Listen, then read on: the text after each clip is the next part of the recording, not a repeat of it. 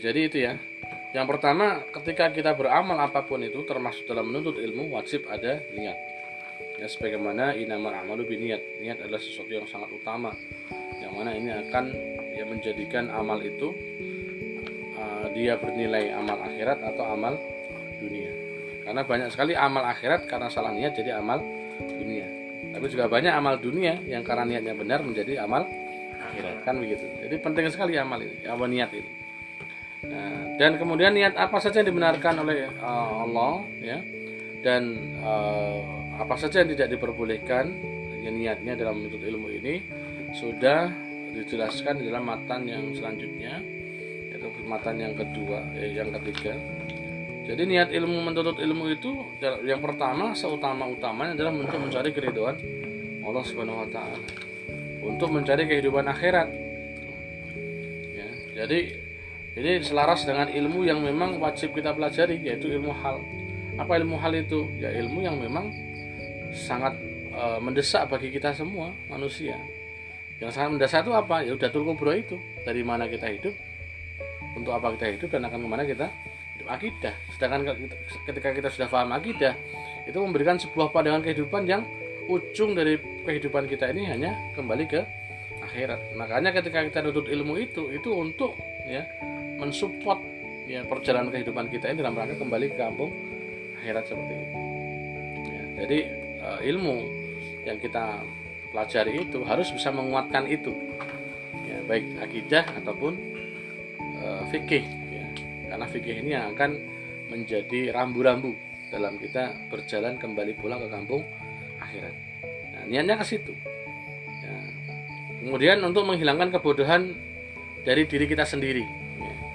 Karena ya memang begitu. Kalau kita nggak punya ilmu ya kita tidak tahu. Atau kita bodoh. Kan gitu. Setelah kita belajar maka kita menjadi tahu. Nah setelah kita tahu maka kita bisa mengamalkan. Nah setelah kita bisa mengamalkan baru kita ya diniatkan untuk e, menghilangkan kebodohan orang-orang lain. Ya yang selain kita. Itu siapa? Yang orang terdekat dulu biasanya. Kalau udah punya istri ya istrinya anak-anaknya ya, saudara orang tua dan sebagainya terus merambat Kemudian untuk menghidupkan agama dan melanggengkan Islam. Karena tidak ada kelanggengan Islam itu kecuali tanpa ilmu. Dan tidak sah kezuhudan dan ketakwaan yang didasari oleh kebodohan. Ya, kenapa begitu? Ya, karena memang di matan selanjutnya dikatakan bahwa salah satu fitnah yang terbesar di dunia ini adalah yang pertama itu orang yang alim tapi tidak tahu malu. Artinya orang alim punya banyak ilmu tapi e, melanggar syariat. Jadi tidak tahu malu suka melanggar syariat. Sudah tahu ilmunya tapi nggak diamalkan ya kan? Nah ini fitnah yang besar. Tapi ada yang lebih besar lagi daripada itu. Yang mana ini fitnah yang paling besar? Itu apa seorang yang bodoh tapi ahli. Ibadah nah yang seperti ini dikatakan sebagai perampok ini. Perampok itu gimana sih? Orang yang mau apa namanya? Merampok sebuah apa ya kepemilikan kepemilikan. Hari ini kita lihat umat Islam itu kan seharusnya milik siapa? Ya milik Islam kan, milik Allah kan. Ya, mereka diciptakan hanya untuk mengabdi menjadi hambanya Allah. Tapi karena banyaknya ahli ibadah yang bodoh, ya bukannya umat Islam hari ini itu berjuang bersama-sama menegakkan agama Allah, tapi justru mereka terseret ke dalam sebuah sistem sesat, ya, sistem bid'ah, sistem syirik demokrasi, kan gitu. Kalau yang sekedar hanya masalah apa namanya tasawuf itu masih itu termasuk kesesatan ya tapi ada yang lebih besar daripada itu yaitu apa? Ya terjerumusnya dalam sebuah sistem demokrasi. Kita lihat aja kalau pas pemilu itu kan. Bahkan kemarin ada salah satu teman saya itu di Facebook itu pas kita lagi rame-rame kemarin hijrah itu ya nonton barang hijrah ya itu kan ada 150 ribu ya. Itu katanya panas tuh. Teman saya orang PKS tuh dia terus status tuh HTI betul-betul telah membuat umat ini mundur daripada uh, kemunduran uh, membuat kemunduran umat ini kemunduran dari sisi politik. Wah gimana lagi apa gini? Jadi malah betulnya aku sih ngomong ngono malah aku ngomong ini aku minta apa tak latih ini kan jadi males loh ngomongin Facebook tuh kan? Saya menjawab ya wah males kayak begitu kenal juga orang jauh juga tapi saya uh, satu grup dengan dia di uh, Asosiasi Rukiah Syariah Indonesia. Memang di di RC itu rata-rata memang PKS itu kan non sewu ini kan salah satu termasuk yang disebutkan di sini. Ahli ibadah tapi termasuk rajin-rajin ibadah gimana? Rajin. Belajar gitu ya. Ya rajin belajar jangan rajin ibadah. Maksudnya ibadah yang wajib-wajib aja lah ya, kita lihat teman-teman kita di ya sudah ditinggalkan. Takutnya nanti dianggap kiai atau ulama Iya, itu bahaya itu. Nah makanya itu. Orang kalau udah ahli baca. Ya kita lihatlah teman-teman kita mungkin yang masih belum dapat hidayah ya. Khususnya tentang hidayah ideologi Islam ini. Kita lihatlah eh, di masjid Abdurrahman bin Auf itu lah Kalau kali-kali sempat kan sholat di situ lah ya. Nah, tahu kan Abdurrahman bin Auf? Kasongan itu nggak tahu? Baru ya ya, baru baru baru. Atau masjid Hukum Dalangan UGM Nah, yang teman-teman kita congklang-congklang semua itu jubah eh, senggotnya tua-tua hafalannya bagus bacaannya masya Allah ya kan? Dan penguasaan dalil-dalilnya kan luar biasa itu. Dan ibadahnya saya yakin masih banyak kita yang kalah sama mereka. Mereka dari sisi menjaga jamaah di masjid saja luar biasa. Ya hafalannya pun juga luar biasa. Dari sisi ibadah mah ya sholat itu. Ketika Ramadan mereka juga menghidupkan dengan luar biasa. Ibadah yang yang nampak di mata masyarakat mata umumnya itu ya mereka ini para ahli ibadah. Orang-orang menjaga ibadah betul dengan baik. Tapi kita ketahui bagaimana sikap dia terhadap demokrasi ini bahkan bagaimana sikap mereka terhadap perjuangan dalam mengembalikan tegaknya hukum-hukum Allah secara kafah. Luar biasa kan? Nah ini kan dari fitnah yang sangat besar. Sehingga kalau sudah tahu yang namanya casing ini ya nggak akan bisa masuk ke sana. Bahkan saat Abdul sendiri sampai hari ini pernah ngomong sama saya saya tuh sampai sekarang belum pernah berhasil mengajak orang-orang teman-teman salafik roh itu itu untuk masuk ke dalam Maroko ini dan berjuang bersama. Mesti mentok. Meskipun udah sampai akhir ya mentoknya apa Asofia Ustadz Ana tidak mengajarkan itu. Terus kalau memang Ustadz Antum nggak mengajarkan itu kemudian apakah kita tidak mengambil kebenaran ini? Ya ya enggak, saya ikut Ustadz Ana kan gitu. Ya, lucu kan jadi percuma untuk apa selama ini ngaji? Jadi kan ngaji itu kan bukan untuk diamalkan tapi untuk betul-betul nggak tahu tuh eh, perbandingan atau bagaimana jadi banyak sekali yang seperti itu. Makanya ya ini ini menjadi fitnah yang sangat besar ya. Orang ahli ibadah tapi bodoh. Bodoh dari hal apa sih sebenarnya ini? Ya bodoh dari ilmu. Ilmu apa sih? Ya ilmu akidah dan ilmu fikih. Kan gitu.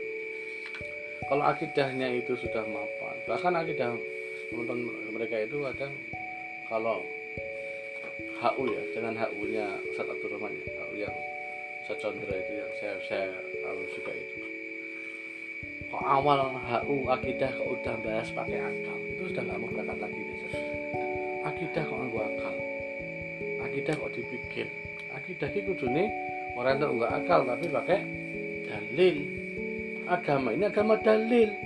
Akidah itu baru pakai bersandar pada Quran dan Sunnah. Akidah kok pakai akal? Ini mutazilah ini. Neo mutazilah ini. Luar biasa nih orang. Wah. Di dalam majalah Asyariah itu saya pernah baca disebut neo mutazilah kita ini. Nah, kenapa begitu? Ya karena kebodohan itu. Apa coba kalau bukan kebodohan? Ya, bukan kita sombong yang memiliki ilmu lebih daripada mereka tidak. Tapi memang faktanya begitu kebodohan. Itu kan menyesatkan pemiliknya gitu. Menyesatkan ahlinya itu Kenapa? Karena akidah yang mereka dapatkan juga doktrin juga. Tidak mendapatkan sesuatu yang sangat mendasar seperti kita kan. Dikupas kan dari dalam Islam itu kan. Dari mana, untuk apa kan. Ke mana. Diajak berpikir sampai ketemu kebenaran Allah Quran dan Rasulullah itu dengan pasti. Baru setelah ketemu kebenaran ketiganya itu, barulah kemudian kita keimanan pada sesuatu yang gaib yang lain kita ambil dengan cara nakli atau mengutip dari sebuah informasi informasi tapi yang sudah kita buktikan kepastian kebenarannya kan jadi artinya nah, ini sangat penting sekali. Akan mempengaruhi bagaimana pandangan kehidupan selama dia hidup. Yang kedua ya kebodohan dalam hal fikih. Kita alhamdulillah di sisi ini ya eh, kita ilmu kita semuanya sanatnya nyambung ke seorang mujtahid yang mutlak dan diakui ya secara internasional. Yang beliau juga seorang mujadid yang beliau juga memiliki usul fikih yang khas yang tidak diambil dari para mujtahid lainnya. Nah, luar biasa kan? Jadi usul fikihnya Syekh Taki ini tidak tidak diambil sedikit pun dari keempat mazhab. Jadi makanya ketika dalam menarik sebuah hukum syariat itu betul-betul apa namanya eh, tepat. Karena memang sandaran untuk menarik hukumnya sudah sangat luar biasa yang hari ini tidak banyak umat mengetahui hal-hal seperti ini. Ngerti ini ya meng dari Ustadz A ya A. B ya B. Jadi nggak ngerti. Ya, itu bagaimana bisa seperti itu. Makanya ilmu ini menjadi sangat penting sekali. Karena kalau sampai kita tidak punya ilmu ya, tapi kita kuat ibadah saja jangan-jangan nanti kita akan jadi fitnah bagi masyarakat di sekitar kita. Rajin yang masjid mesti kan suatu saat akan dijadikan sebagai bahan untuk apa namanya diskusi. Mas mana saya sering masjid dan tidak ini untuk ratu. Kita nggak punya ilmu nih tapi karena pengen di alam kan. Wah nak menurutmu ngene iki ngene iki ngene iki tapi fitnah malah. Ah, repot ya. Gitu ya.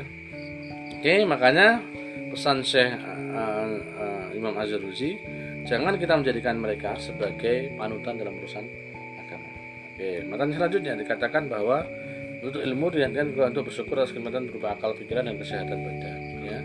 Nah yang tidak diperbolehkan untuk apa sih? Untuk mencari kedudukan di hadapan manusia ya. Mencari harta dunia dan kemuliaan di sisi penguasa dan yang lainnya. Artinya ilmu ini tidak boleh diniatkan hanya untuk sesuatu yang bersifat dunia ya. Itu seperti itu tegaskan sama Muhammad uh, bin Al Hasan rahimahullah alaihi ya beliau muridnya Imam Abu Hanifah yang uh, sangat terkenal. Dia menegaskan seandainya saja seluruh manusia itu menjadi budakku niscaya aku akan memerdekakan mereka dan aku berlepas dari perwalian mereka. Ya, kenapa? Ya karena ini menunjukkan eh, bahwa beliau ini seorang eh, ulama seorang orang yang ahli ilmu karena setiap barang siapa yang telah merasakan kelezatan ilmu dan amal maka hampir-hampir dia tidak menginginkan apa yang ada di sisi manusia jadi apa pun yang ada di sisi manusia ini kan sifatnya dunia saja. Kan yang tampak itu hari ini kan sifatnya dunia. Meskipun kita melihat seorang syekh, seorang kiai yang memang memiliki karisma, memiliki sebuah eh, apa namanya eh, kezuhudan yang luar biasa dan eh, berbagai macam kenikmatan yang Allah berikan kepada seorang syekh itu. Meskipun seorang syekh ini seorang syekh yang lurus, ikhlas dan eh, bagus dalam beramal. Nah, ketika kita ya, ketika kita kok menginginkan apa yang ada di sisi syekh itu, yaitu kemuliaan, kezuhudannya ya, misalkan kekaromahannya kan. Kemudian ya berbagai macam yang Allah berikan di dunia ini. Kalau kita ni- niat untuk ilmu itu agar bisa seperti itu, itu sudah melenceng itu. Artinya itu sudah menjadi bagian dari dunia.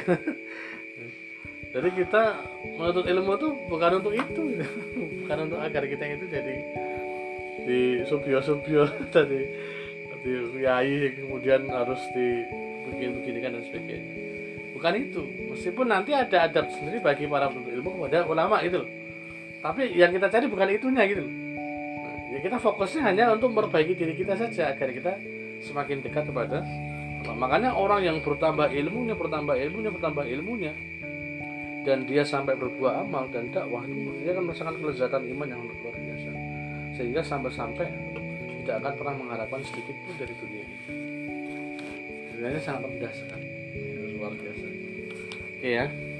Itu dari apa review ya kemarin yang kita kasih Eh, sebelum kita melanjutkan Eh, karena ada sahabat baru kita di sini yang baru bergabung pada hari ini Mas siapa namanya?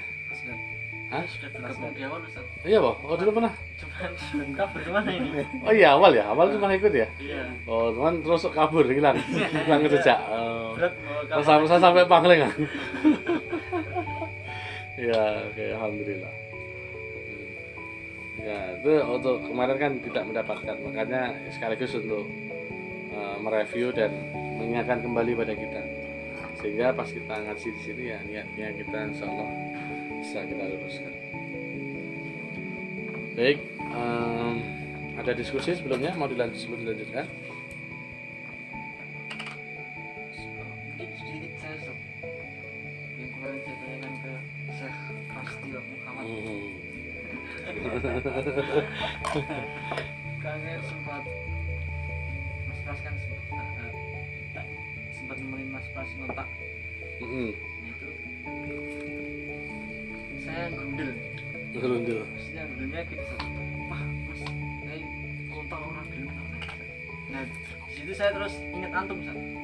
Taklim taklih waduh ini jangan-jangan apa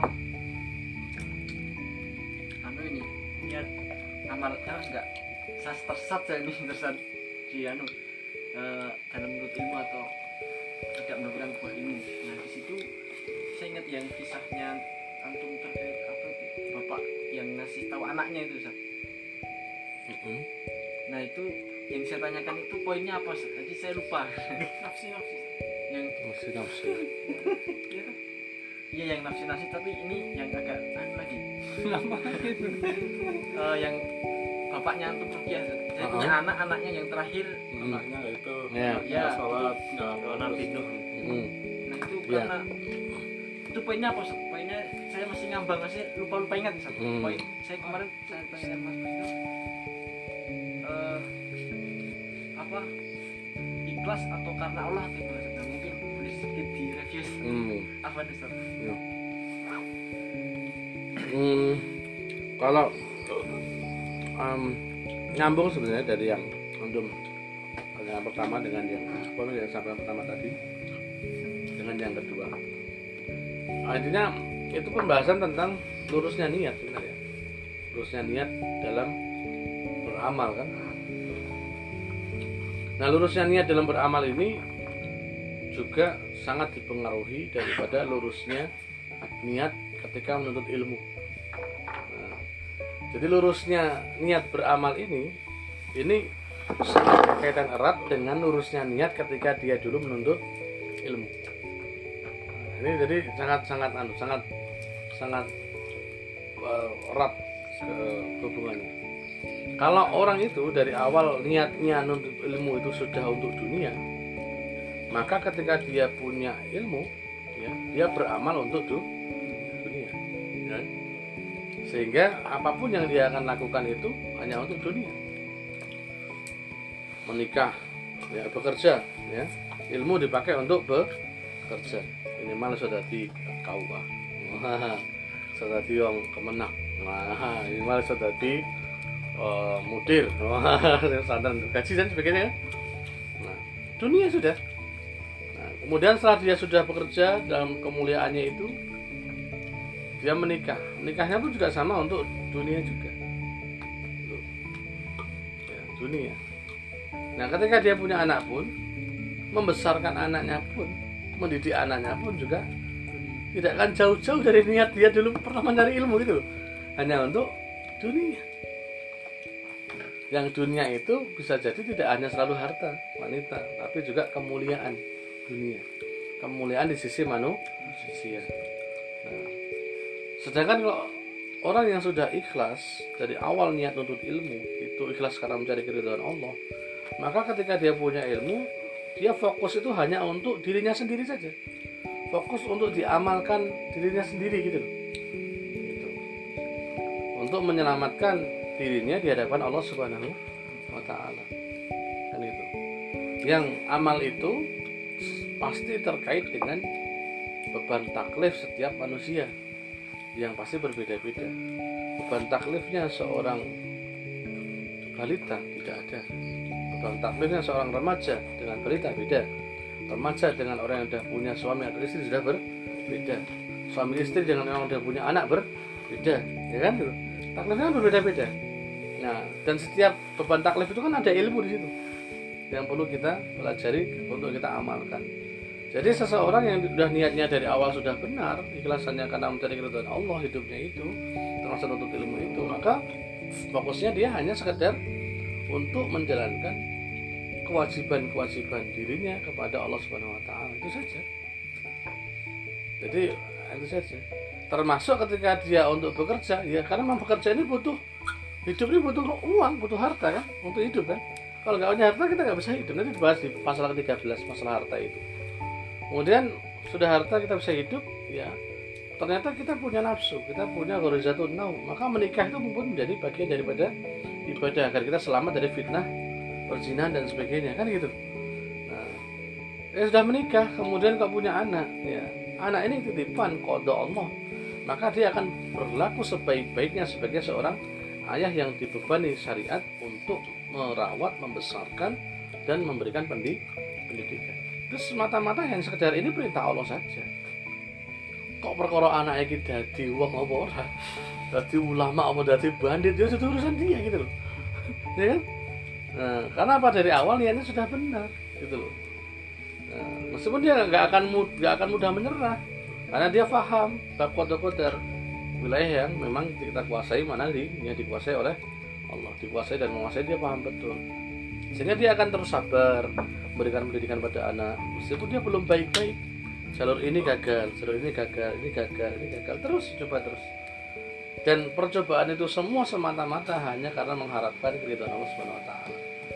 Bukan target ya target dunia. Nah seperti itu akhirnya apa? Itu akan memberikan uh, sebuah ketenangan jiwa.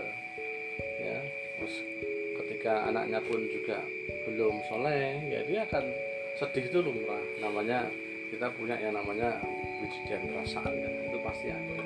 Cuman tidak akan kemudian membuat dia itu kecewa marah ya dan sebagainya. Karena apa? Karena memang bukan bukan itu yang kita cari. Yang kita cari adalah sebatas mengamalkan apa yang Allah perintahkan kepada diri kita itu. Nah kebanyakan orang tua itu kenapa kok jadi marah-marah sama anak? Ya marah-marah sama istri kenapa ketika anak istri ini tidak ya mengambil jalan hidayah pasti amal mereka itu hanya akan menjadi fitnah buat kita ya. Kan? entah itu membuat kita itu menjadi malu kan lebih enak dua anak gak ada nyolong terus. Padahal kita sergap yang masjid ayo. Isin lah bang tua isin. Nah akhirnya marahnya itu karena isinnya itu karena isinnya kan? Bukan karena apa-apa tapi karena isin. Nah padahal malu isin di dunia itu bagian daripada kecintaan dunia. Yang kita itu pengennya jadi orang yang mulia kan? Nah, gitu loh. Padahal kan itu bukan urusan kita sudah di sini hukum saja. Saya sudah memberikan pendidikan yang baik kok pada dia. Memang dia bukan di tangan saya kan selesai deh. tapi kena orang ma- marah itu karena memang dia merasa malu dihinakan oleh orang-orang terdekatnya itu makanya sahabat dulu siapa ya? Ali bin Ali bin Abi kalau salah atau siapa yang ketika di medan perang itu ketika musuh sudah terbaring mau dihunus pedang itu tahu-tahu musuhnya meludah kan? Diludahi cuh gitu kan? Terus ditarik pedangnya nggak jadi kan? Kenapa? Loh kenapa nggak jadi bunuh saya? Tadi pertama saya membunuh kamu itu karena Allah. Karena agama Allah gitu loh. Tapi yang kedua ini setelah kamu meludahi, meludahi saya saya khawatir kalau tak teruskan ini saya membunuh kamu bukan karena Allah lagi tapi karena nafsu kebencian saya pada kamu karena kamu meludahi saya. Ya merendahkan martabat saya gitu kehormatan saya gitu.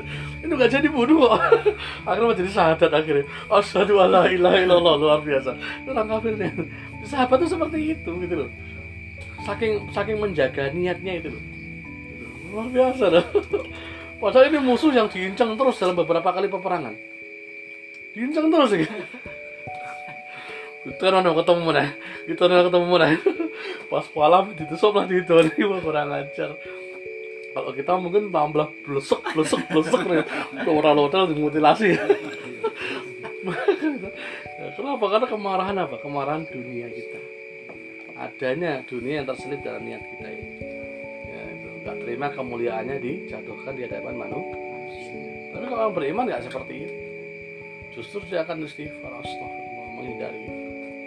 Ya, itu. jadi ini pentingnya niat ya. Niat itu Nah, apalagi kok cuman sekedar dakwah ditompo gitu. Kamu kamu di partai ini ngudon ngidoni ora sida gitu. Tinggal lu kok gitu. Jadi biasa gitu. Nah, kita harus paham betul yang pertama niat kita urus betul yang kedua kita juga paham bahwa Allah yang paling mengetahui hidayah itu untuk siapa. Karena Allah yang mengetahui hati-hati manusia. Siapakah di antara mereka yang betul-betul menerima hidayah itu dengan dengan ikhlas? Ya, makanya kita nggak bisa maksakan siapa pun. Makanya kerjakanlah dakwah itu jangan ditargetkan untuk merubah manusia. Ya, seutama-utamanya target itu adalah ya untuk menyelamatkan diri kita. Minimal itu. Ya. meskipun mungkin dia entah diterima atau tidak tapi faktanya kalau kita nggak melakukan tambahlah parah kita ini. Kan? Ya udah lakukan saja. Nah, karena kita butuh dakwah. Itu sebuah perintah. Makanya dakwah kepada umat termasuk orang tua kepada anak ya. Suami kepada istri ya itu ya sebagai penggugur kewajiban kita saja. ya um, itu kewajiban yang kita itu niat yang benar kan seperti itu. Tapi kalau niatnya itu untuk sebuah yang lain dunia ya tadi sudah itu. Itu pasti akan menjadi eh, sesuatu yang tidak ya nggak ada apa-apa kita. Udah paham belum maksudnya? Biasa udah paham ya? Jadi intinya memang lurusnya niat.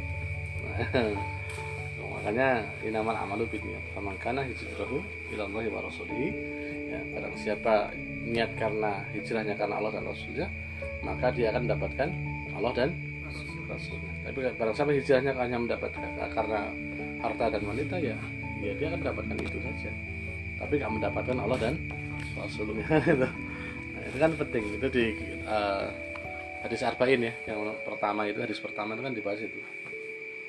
Saya agak lupa redaksi Arabnya sampai akhir. Tapi kalau uh, terjemahnya seperti itu oke sudah kita lanjutkan ke matan berikutnya ya. Sebelum lagi saya mau oh ya silakan. Ya dan ditimpali atau perkara lain? Ya silakan. Terkait uh, tentang niat. Jadi misalnya kan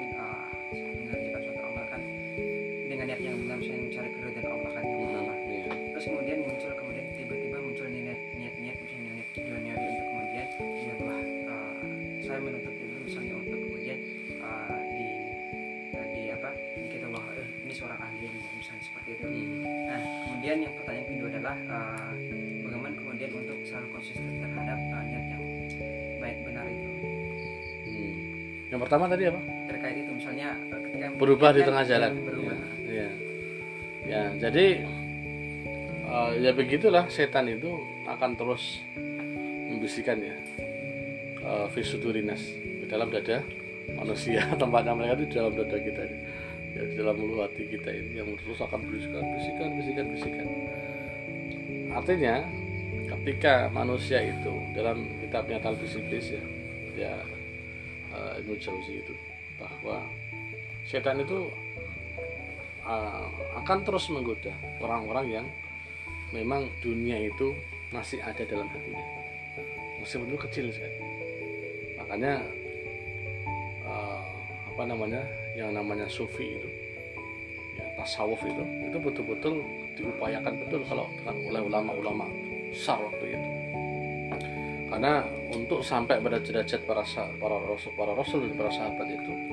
Memang harus betul-betul menjadi sufi. Sufi itu dalam artian yang se- sebenarnya mengeluarkan dunia ya dari hati kita. Sehingga hati kita hanya dipenuhi dengan kecintaan kita kepada Allah dan Rasulnya. Cinta cinta itu bukan bukan sekedar hanya eh, tunduk patuh taat ya. Karena tunduk patuh taat itu belum tentu cinta bisa terpaksa. Karena akal kita nggak bisa menolak bahwa pencipta itu pasti ada. Islam itu pasti benar gitu loh. Sehingga kita menjalankan ketaatan itu hanya karena terpaksa.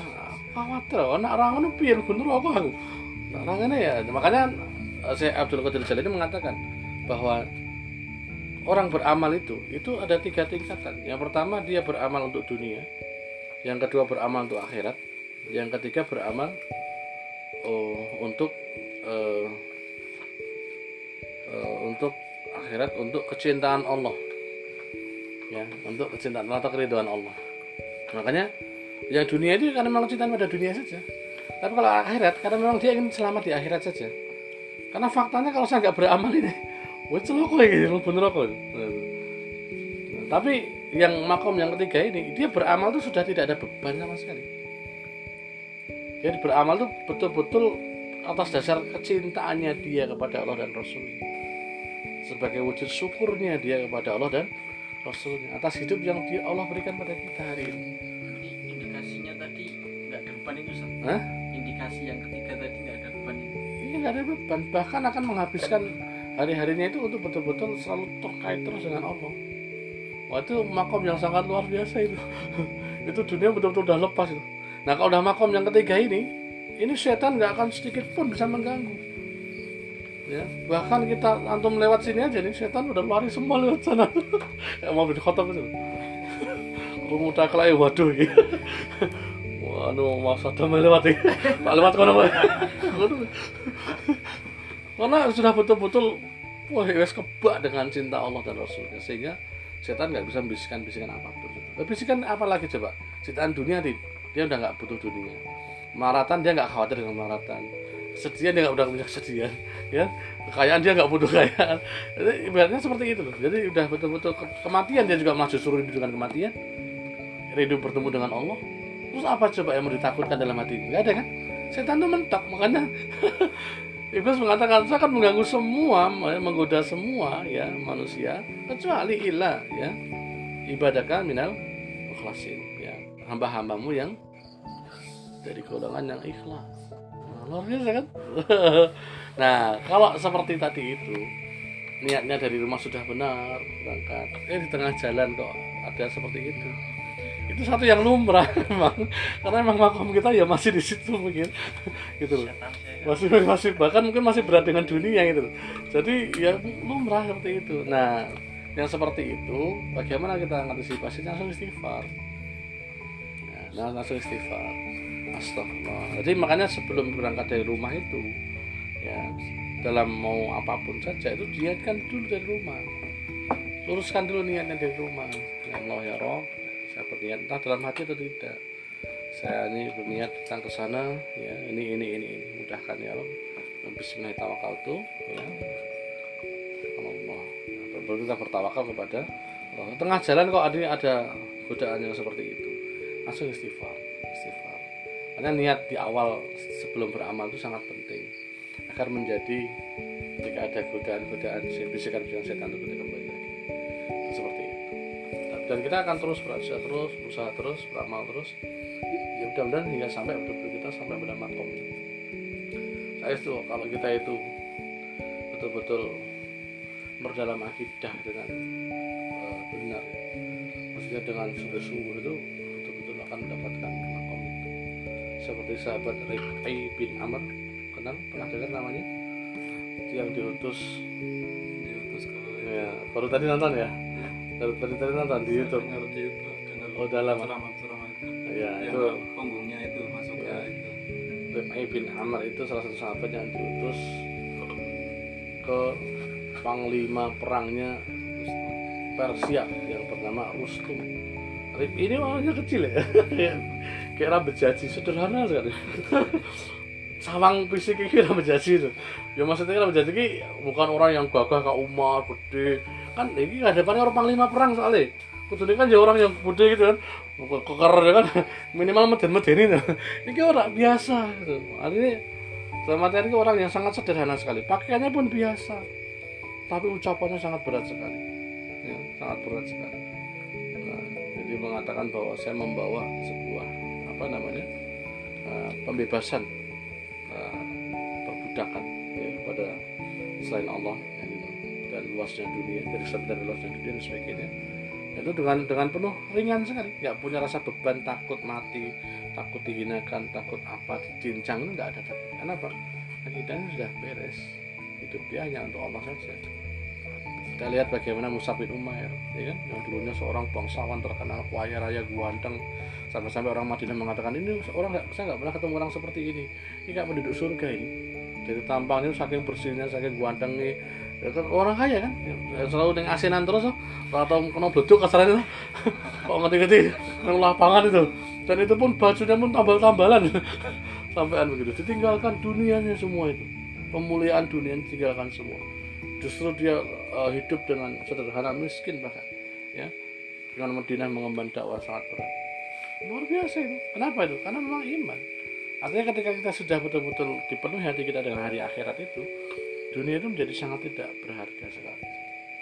Ya, bukan berarti kita tinggalkan tidak. Tapi tidak ada nilainya gitu. Nah, makanya itu penting. Nah yang kedua tadi apa pertanyaannya? Untuk selalu konsisten untuk selalu konsisten ya tadi itu.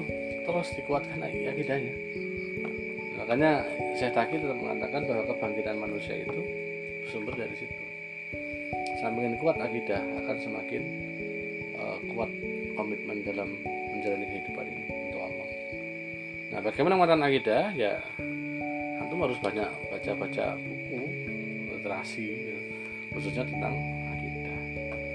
Minimal Al-Quran surat-surat makiyah surat-surat yang diturunkan di Mekah. Itu kan surat akidah semua itu. Bagaimana kejadian kiamat kejadian yaumil hisab kejadian uh, di neraka kejadian di surga itu kan semua akidah itu kalau kita banyak memper uh, berdalam itu baca tafsir dan sebagainya. Terus, kalau misalnya kita terbatas ya nggak bisa banyak kitabnya yang khusus bahas masalah itu ya sudah. Simpelnya gitu. Insya Allah akan semakin menjadikan kita berat terhadap akhirat. Sehingga insya Allah itu mudah. Nanti untuk bisa istiqomah di situ. Kuncinya di akidah lagi. ya kita ini akaliah sudah di sudah dibongkar sama Syekh Taki ya dari bongkar di kitabnya itu cuman kita masih butuh menguatkan perasaan kita. Ya makanya untuk Allah ila sabili rabbika bil hikmah akal sentuh ya. Wal maidotil hasanah perasaan kuatkan. Dengan dalil-dalil janji-janji Allah itu. Nah itu akan kencang itu nanti. Jadi nggak bisa mengakal toh. Bahkan saya dulu merasa kering ngaji di sini tuh garing tuh ya kalau akal terus yang dewasa tuh. Tapi rata itu dalil nih ini dom itu kan bahasanya kan ono dalil tuh nggak ada dalil sama sekali. Sedikit sekali itu dalilnya itu. Pembahasan akal semua. Tapi memang benar nggak bisa dibantah itu. Tapi kok garing? Kering. Kenapa? Karena ternyata ada sisi perasaan yang memang belum kesentuh. Nah makanya ketika pas masuk ke nafsiyah baru mulai ada banyak dalil kan nah itu. Itu akan menyirami harusnya disyarah satu-satu itu ayat itu itu jadi tambah berbobot nanti kalau satu ayat ditafsirkan misalnya misalnya sudah anu ya makili ya, ya. nanti berapa sampaikan dulu aja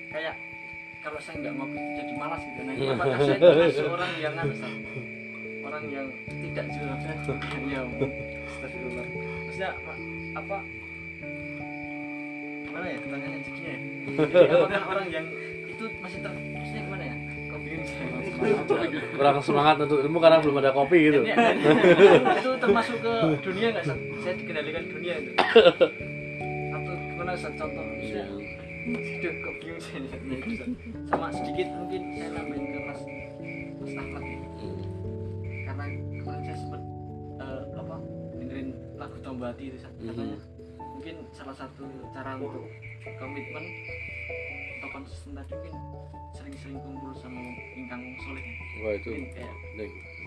Ustaz Mas Rahmat nah ini orang soleh. Mungkin itu mas kabar sedikitnya. ya lima perkara itu memang sangat bagus. Jadi eh, untuk jawabannya nanti ya. Ya itu agak memang anu, pertanyaannya agak sedikit karena kebodohan saya aja barangkali. Karena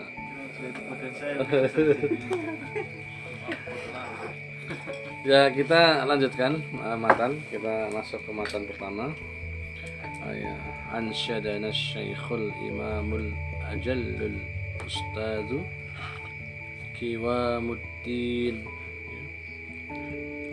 Hamad bin Is, ibni Ismail As-Safarul Ansari uh, eh, imlaan li Abi Hanifah rahmatullahi alaih. Jadi namanya panjang banget. Seorang syekh al imam yang mulia ya. Al ajal itu kan al ajalu itu kan mulia. Eh, al ustad ya seorang guru juga ya. Kemudian Qiwamuddin ya namanya Qiwamuddin Hamad bin Ibrahim bin Ismail As-Safat Al-Ansori. Ini eh, penghormatan kepada beliau.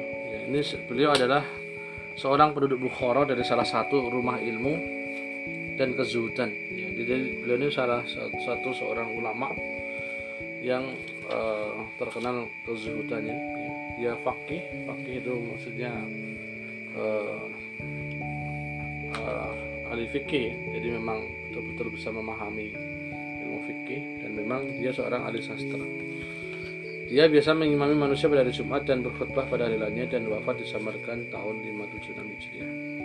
Ini dari Al-Jawahir Al-Mudi'ah.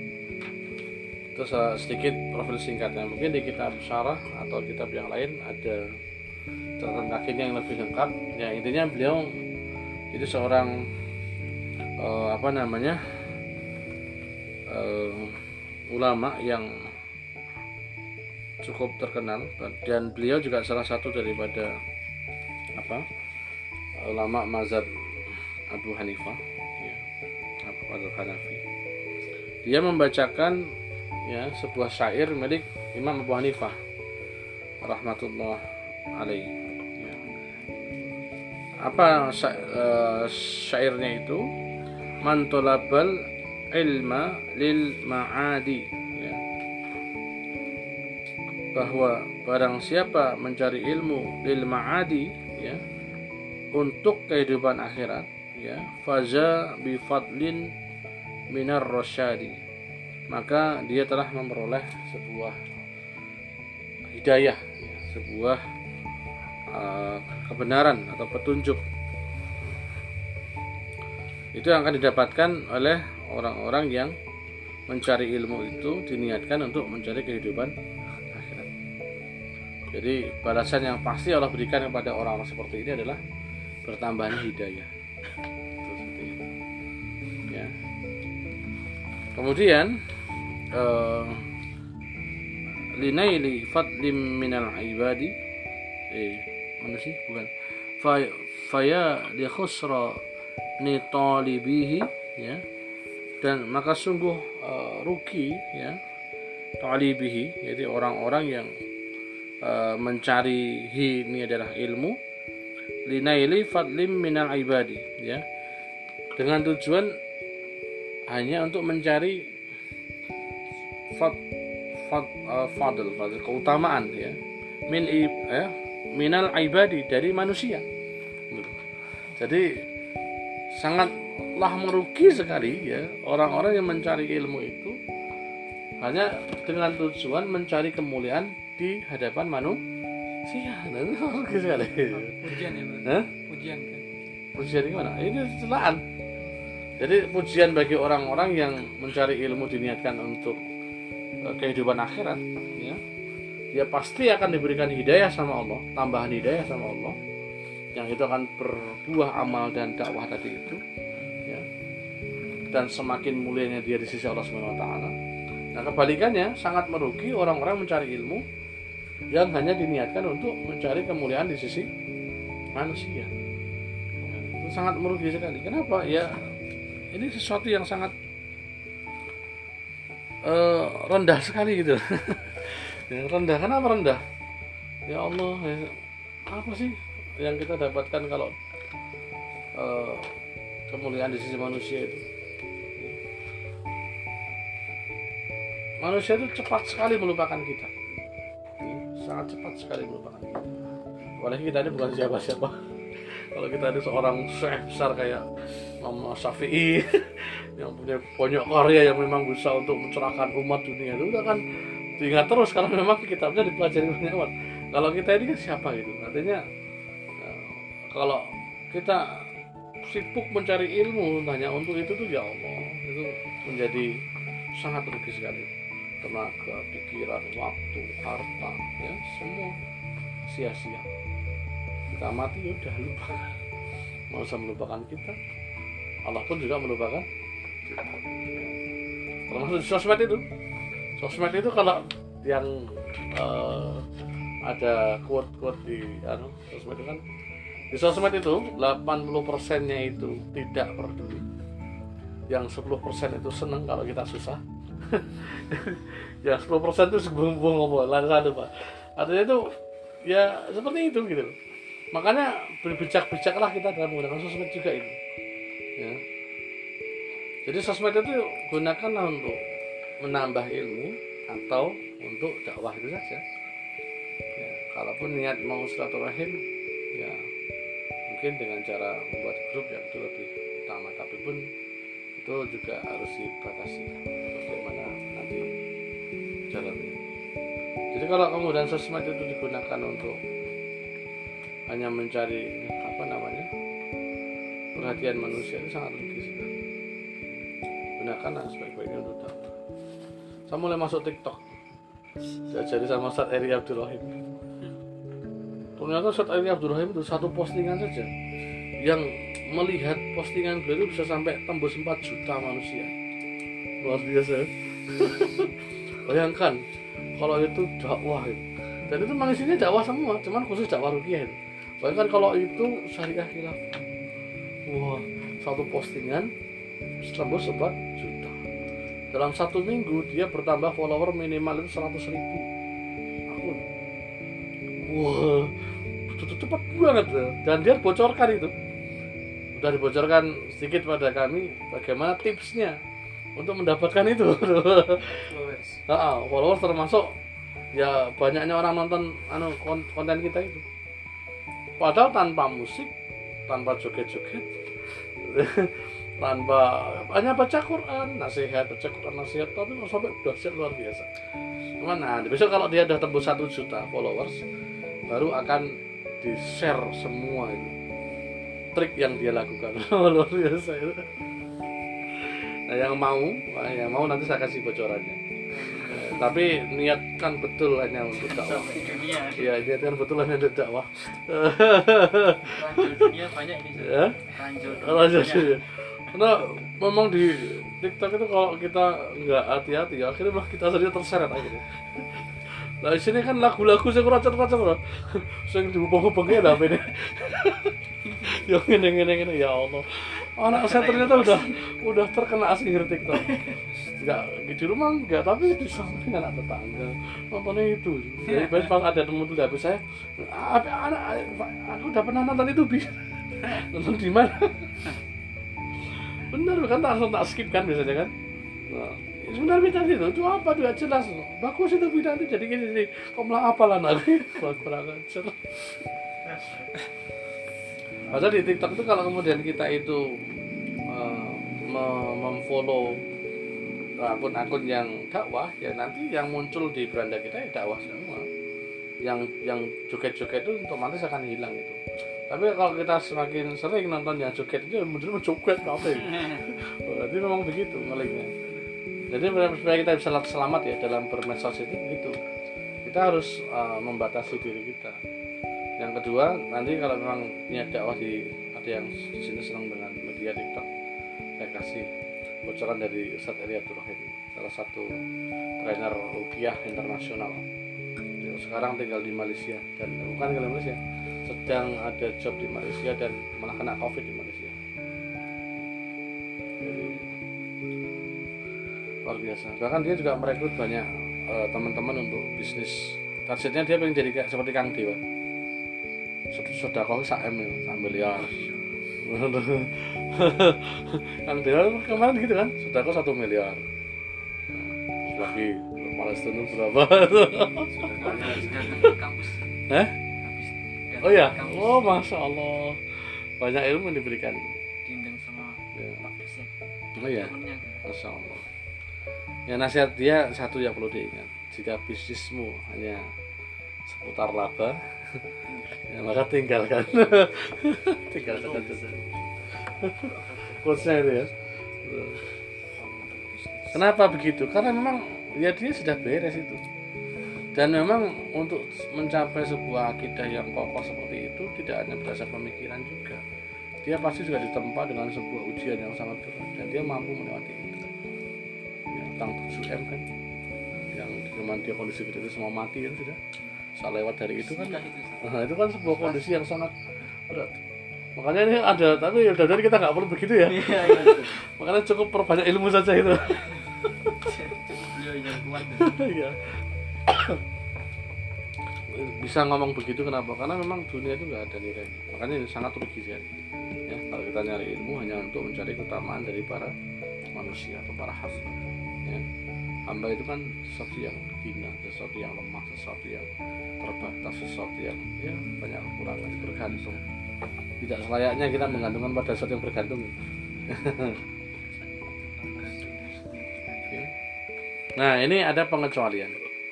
Ya, ada pengecualian. Allahumma ya illa idza talabal jahalil amri bil ma'rufi wan nahyi 'anil munkar ya kecuali ya jika dalam mencari kedudukan itu untuk tujuan amar ma'ruf dan nahi munkar ya. Makanya saya dulu sempat sampaikan loh mungkin beberapa teman-teman yang eh, yang sering interaksi dengan saya itu eh, saya sering kadang membuat status itu di WhatsApp itu itu memang saya setting saya setting sebagai sebuah bagian dari sebuah eh, apa namanya perjalanan untuk mencapai satu tujuan Gitu. tujuan saya adalah contohnya pas kecil ketika saya eh, pindah di sini kan saya orang baru saya harus bisa masuk dakwah di sini. Dan satu-satunya tempat yang paling memungkinkan adalah masjid ya kan? Tapi kan sini udah belum kenal siapa saya belum kenal siapa bagaimana saya apakah orang ngaji bukan dan sebagainya. Dari situ pelan-pelan itu saya targetnya harus megang takmir dulu. Saya ingin diketahui oleh takmir bahwa saya adalah seorang pengemban dakwah. Nah, itu itu memang saya ingin mencari kedudukan itu. Cuman ini masih koma ya. Masih koma. Jadi jangan berhenti di situ. Ini masih koma. Disebutkan di situ agar apa? Ketika sudah kita mendapatkan kedudukan itu ya maka dakwah kita bisa masuk kepada semua masyarakat Nah, makanya saya jarang sekali pegang mic eh, apa namanya adan saya, saya, menghindari. Itu meskipun sesekali saya ngambil posisi itu. Ya. kemudian biasanya kan seneng ya tampil itu kan kalau dengan uh, adan yang mungkin irama-irama gitu. Sekali tampil saya dengan pakai irama itu. Nah kebetulan Allah memang berikan sedikit uh, apa uh, bisa untuk adan seperti itu. Meskipun ya nggak bagus. Tapi minimal orang standar. Orang standar. Nah, wah nah, melihat dari adan saja kemudian biasanya sudah diminta jadi imam. Nah, akhirnya sudah selesai jadi imam saya sudah jarang sekali pegang mic kecuali memang mana mau tenan itu awal ya awalnya begitu. Kalau sekarang kalau ada ya ada dia nggak masalah itu. Nah, kemudian imam nah, baru lama-lama kemudian ngobrol sama takmirnya minta whatsappnya. Ya kan? Kan akhirnya saling melihat kan? Saling melihat status kan? Saya belum banyak bikin status. Nah, tapi saya lebih banyak perhatikan statusnya beliau. Terus nah, saya tes dengan status saya seperti ini yang nonton siapa saja. Oh beliau nonton. Seperti ini kan yang masih berkait itu loh. Oh kok Isra nonton meneh? Berarti dia nggak suka dengan tema-tema ini. Nah dari situ dan saya mainkan itu satu-satu saya itu untuk membuat sebu- sebuah dugaan-dugaan bahwa dia eh, senang perhatikan saya dengan khususnya NU nah dari situ dia kemudian kemudian mengetahui karena memang saya sering punya banyak forum. Ya nah, baru kemudian dikasih tempat untuk misi kajian kemudian dikasih tempat untuk khotib kasih tempat untuk berbagai macam posisi yang bagus di masjid nah jadi memang itu tak buat strategi gitu seakan-akan kalau kemudian yang tidak paham itu memang status-status itu kadang ini kok pengajian kok share kayak umum. Ya kan kalau orang nggak tahu kan makanya kita nggak boleh sudon kan. Karena kita harus mendapatkan khusudon karena kita nggak ngerti sebenarnya orang yang sedang seperti saya yang lain. Seperti itu kan barangkali bukan untuk itu itu. Tapi dalam rangka hanya untuk mencari sebuah eh, batu loncatan batu loncatan. Nah kemudian setelah kemudian dikasih posisi sebagai ketua seksi dakwah di sini di masjid ya kan semakin memudahkan untuk kemudian mengatur dakwah di sini. Nah itu memang tujuannya itu. Dan tujuan akhirnya apa? Ketika kita mengontak tokoh kita harus memang sejajar dulu dengan tokoh itu. Ya kalau kita belum sejajar dengan dia ini akan sangat kesulitan. Karena memang hari ini eh, apa yang namanya eh, penyakit hati oh, oh, kaum muslimin itu sangat sangat berat. Kiai kiai itu kan bakoknya kan sangat tinggi. Sangat kecil sekali kemungkinannya. Kalau yang ngontak tuh misalnya pegawai pabrik misalnya. Atau pegawai sing mau bensin itu sing asalnya ini nggak punya kedudukan apa-apa gitu terserang petani ngoro-ngoro pesantren mandani kiai. Itu kan sangat kecil kemungkinannya bisa masuk kan. Makanya untuk sampai biar masuk pada kiai harus ya kiai juga yang gitu nah, nah, nah kita posisikan seperti itu. Kalau memang kita sebenarnya makom kita maksudnya keilmuan kita sebenarnya sudah sejajar dengan mereka. Cuman status sosial kita ini belum sejajar dengan mereka nah, ini akan menjadi sesuatu yang menjadi penghambat masuknya dakwah. Makanya kadang kita mencari itu ya itu diperbolehkan. Selama ya tadi kan dikatakan untuk apa? Tujuan amar ma'ruf nahi munkar. Gitu loh. Nggak apa-apa gitu. tapi jangan sampai ya hanya untuk itu. Ya, jadi salah itu nah ketika kita sampai di situ nah sudah. Kita harus betul-betul full totalitas terus ngepel ya nyapu dan masjid itu saya ya nyekol sapu ya gue sekolah ya kok seket ya langsung sapu nih gitu nah, seperti itu. Jadi sudah nggak perlu lagi apa? Sandiwara itu. Nah dulunya nggak mau bang. Kok nyekol sapu nyekol sapu terus sebenarnya masih itu tekan dua kan gitu kan? Nah, ini kan sebuah strategi. Nah yang seperti ini diperbolehkan ya. Hanya sebagai uh, apa namanya uh, batu loncatan untuk sebuah tujuan. Ya, tujuannya apa?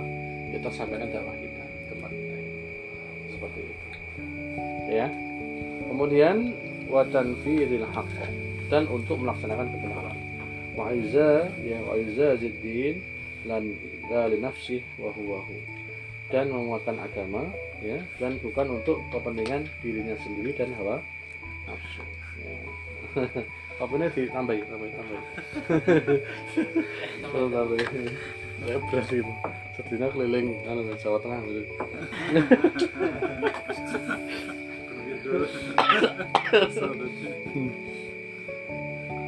Jadi uh, diperbolehkan ya untuk mencari kedudukan di hadapan manusia. Ya selama kedudukan itu ya dijadikan sebagai ya apa namanya alat untuk mempermudah mencapai tujuan. Tujuan apa? Tujuan amar ma'ruf nahi munkar melaksanakan kebenaran menguatkan agama. Bukan untuk kepentingan diri sendiri dan hawa nafsu. Kemudian fayajuzu dalika biqadri ma yuqimu bihi amru bil ma'rufi wan nahya 'anil munkar maka hal itu diperbolehkan sebatas apa yang dengannya bisa menegakkan amar ma'ruf nahi nah, jadi gitu ya batasannya adalah sebatas amar ma'ruf nahi munkar itu sudah bisa dilaksanakan. Nah, sudah tercapai ya sudah. Jangan bersandiwara terus. Jangan kemudian terus malah kepenaan ngono kuwi gitu loh. Ora gelem nyekel gitu loh. Kan gitu. Eh, jadi bisa dibedakan ya dulu awalnya itu eh, saya nggak mau megang-megang itu. Ini hanya sedikit contoh kecil aja mungkin sharing saja. Barangkali nanti akan tahun saya punya pengalaman yang lain. Karena memang saya punya target. Tapi ketika target itu sudah tercapai ya sudah. Itu amal soleh semua itu. Adan koman nyapu